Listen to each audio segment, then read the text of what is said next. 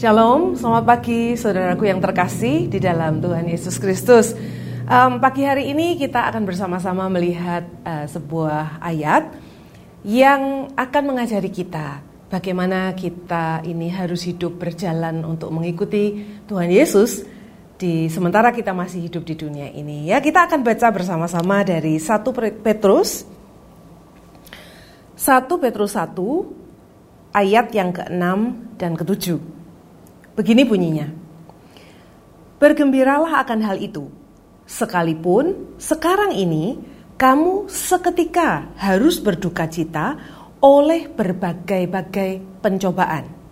Ayat 7. Maksud semuanya itu ialah untuk membuktikan kemurnian imanmu yang jauh lebih tinggi nilainya daripada emas yang fana yang diuji kemurniannya dengan api sehingga kamu memperoleh puji-pujian dan kemuliaan dan kehormatan pada hari Yesus Kristus menyatakan dirinya.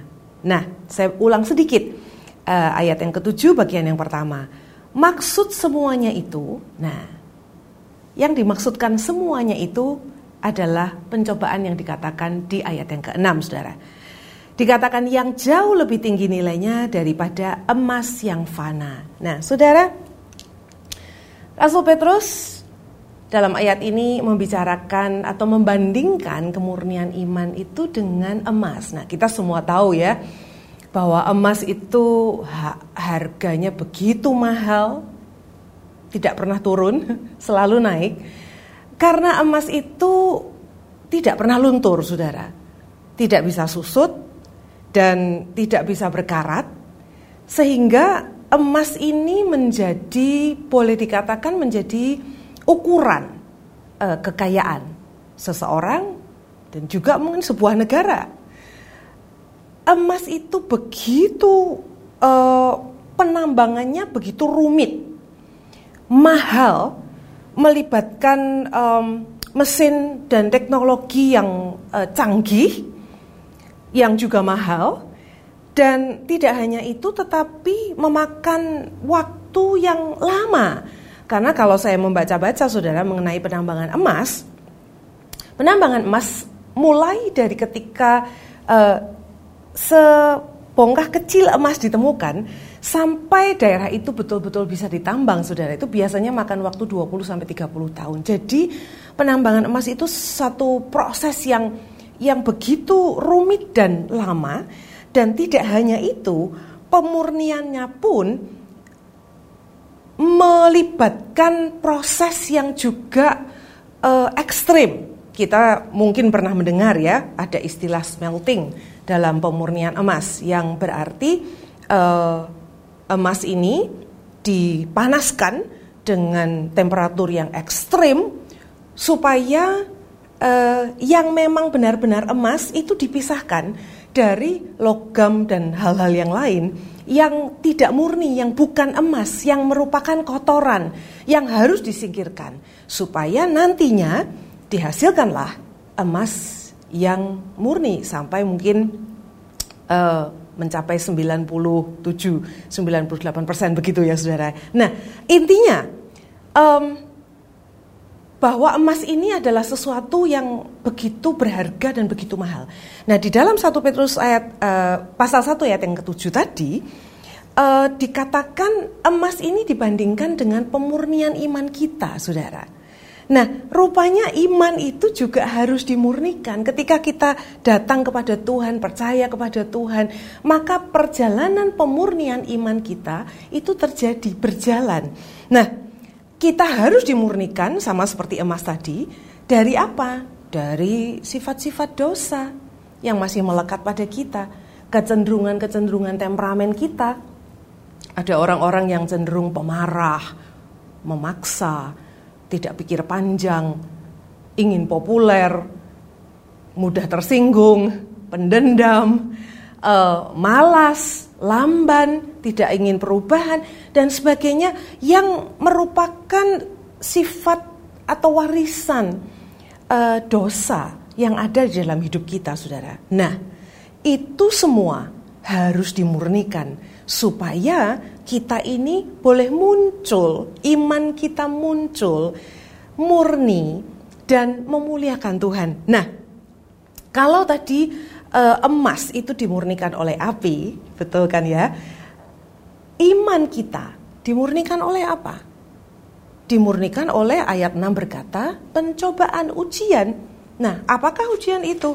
Nah, ujian itu bisa berupa kata-kata pasangan yang menyakitkan, anak-anak yang kurang hormat, kita merasa mereka kurang hormat, atau mungkin teman, bahkan teman sepelayanan yang tidak setia, yang mengingkari janjinya, atau mungkin tetangga yang buat masalah dengan kita, saudara, itu semua adalah ujian atau dikatakan cobaan yang akan diizinkan Tuhan masuk di dalam hidup kita, kita alami supaya iman kita dapat dimurnikan, saudara.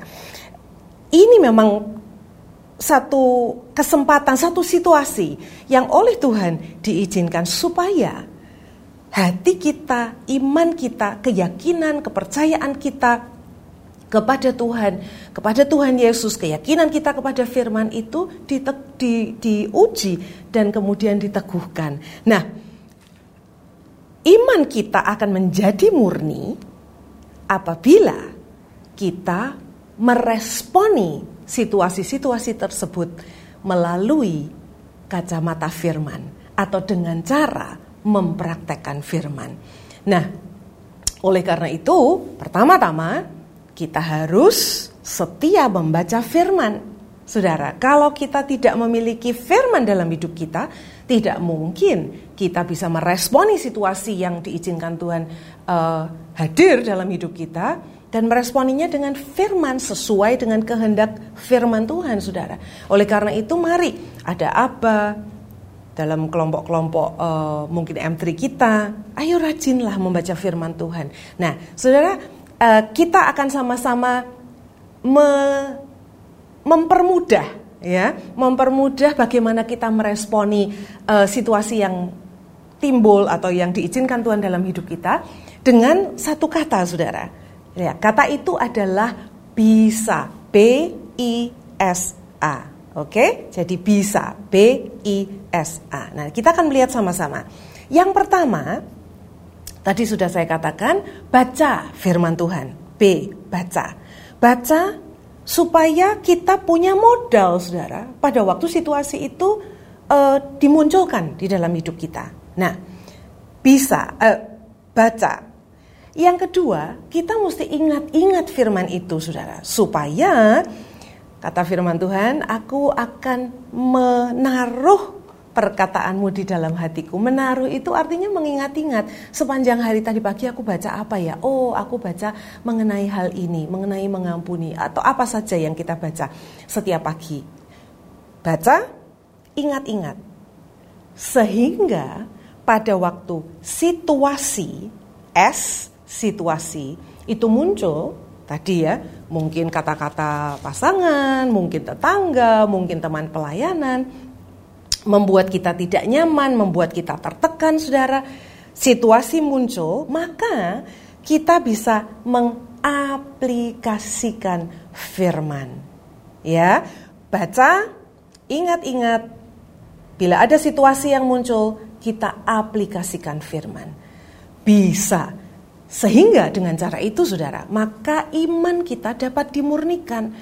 Uh, firman Tuhan berkata, Berbahagialah kamu kalau kamu jatuh dalam berbagai pencobaan. Artinya jatuh dalam berbagai ujian, menghadapi berbagai ujian. Dikatakan tadi kata-kata yang menyakiti mungkin uh, rekan sepelayanan yang tidak setia. Ya apa saja yang membuat kita merasa tertekan, merasa tersinggung, mungkin merasa disakiti, saudara.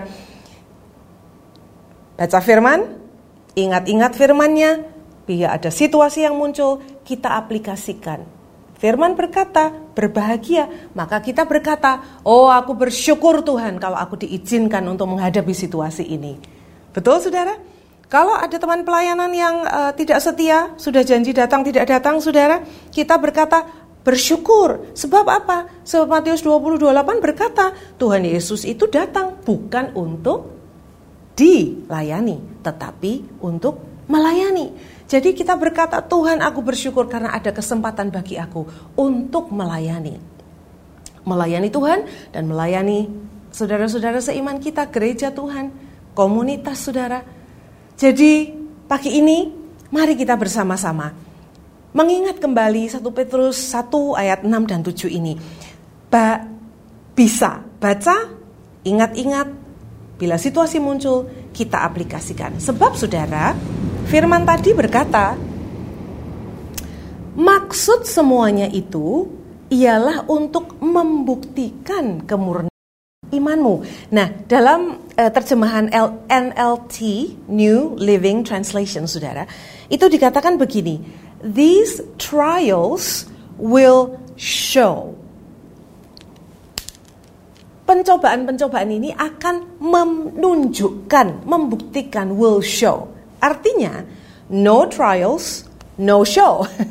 Kalau tidak ada ujian, saudara, iman kita, kemurnian iman kita itu tidak bisa dimunculkan. Jadi, memang ujian itu, cobaan itu adalah cara supaya iman kita dimunculkan seperti emas tadi, saudara harus diberi, diberi temperatur yang sangat ekstrim supaya yang murni itu boleh dimunculkan. Yang tidak murni, yang kotor, yang tidak baik itu disingkirkan. Firman Tuhan adalah pedoman bagi hidup kita. Jadi kalau firman Tuhan berkata iman kita dikatakan jauh lebih tinggi, kemurnian iman kita jauh lebih tinggi nilainya dibandingkan dengan emas saudara. Emas itu mahal, tapi Tuhan berkata, waktu iman kita dimurnikan di hadapan Tuhan, harga kemurnian iman kita itu jauh lebih besar, bahkan dari emas yang berharga dan mahal harganya di bumi ini. Saudara, hari ini mari kita bersama-sama praktek saudara. Baca firman, Ingat-ingat firman itu, kalau situasi yang menantang menghampiri kita, kita akan aplikasikan firman Tuhan. Lakukan firman sehingga kemurnian iman boleh nyata. Dan dikatakan, apa yang akan kita dapatkan saudara? Sehingga kamu memperoleh puji-pujian dan kemuliaan dan kehormatan pada hari Yesus Kristus menyatakan dirinya. Saudara, emas sekalipun mahal itu fana sifatnya. Emas akan musnah, suatu kali akan sirna, suatu kali akan hilang. Tapi kemurnian iman kita dikatakan firman Tuhan akan dibalas oleh Tuhan dengan puji-pujian, kemuliaan, dan kehormatan. Mari kita berdoa. Tuhan terima kasih Engkau yang akan menolong kami semua supaya kami boleh terus berjalan dan teguh di dalam setiap ujian dengan membaca firman, mengingat-ingat firman itu dan apabila ada situasi yang muncul, kami boleh mengaplikasikan setiap firman yang kami sudah baca menjadi daging, menjadi praktek hidup kami sehari-hari. Terima kasih Bapak, kami percaya Roh Kudus menuntun kami langkah demi langkah. Kami boleh menyenangkan hati Tuhan setiap hari. Terima kasih Tuhan, di dalam nama Tuhan Yesus Kristus kami sudah berdoa. Amin. Shalom, Tuhan memberkati.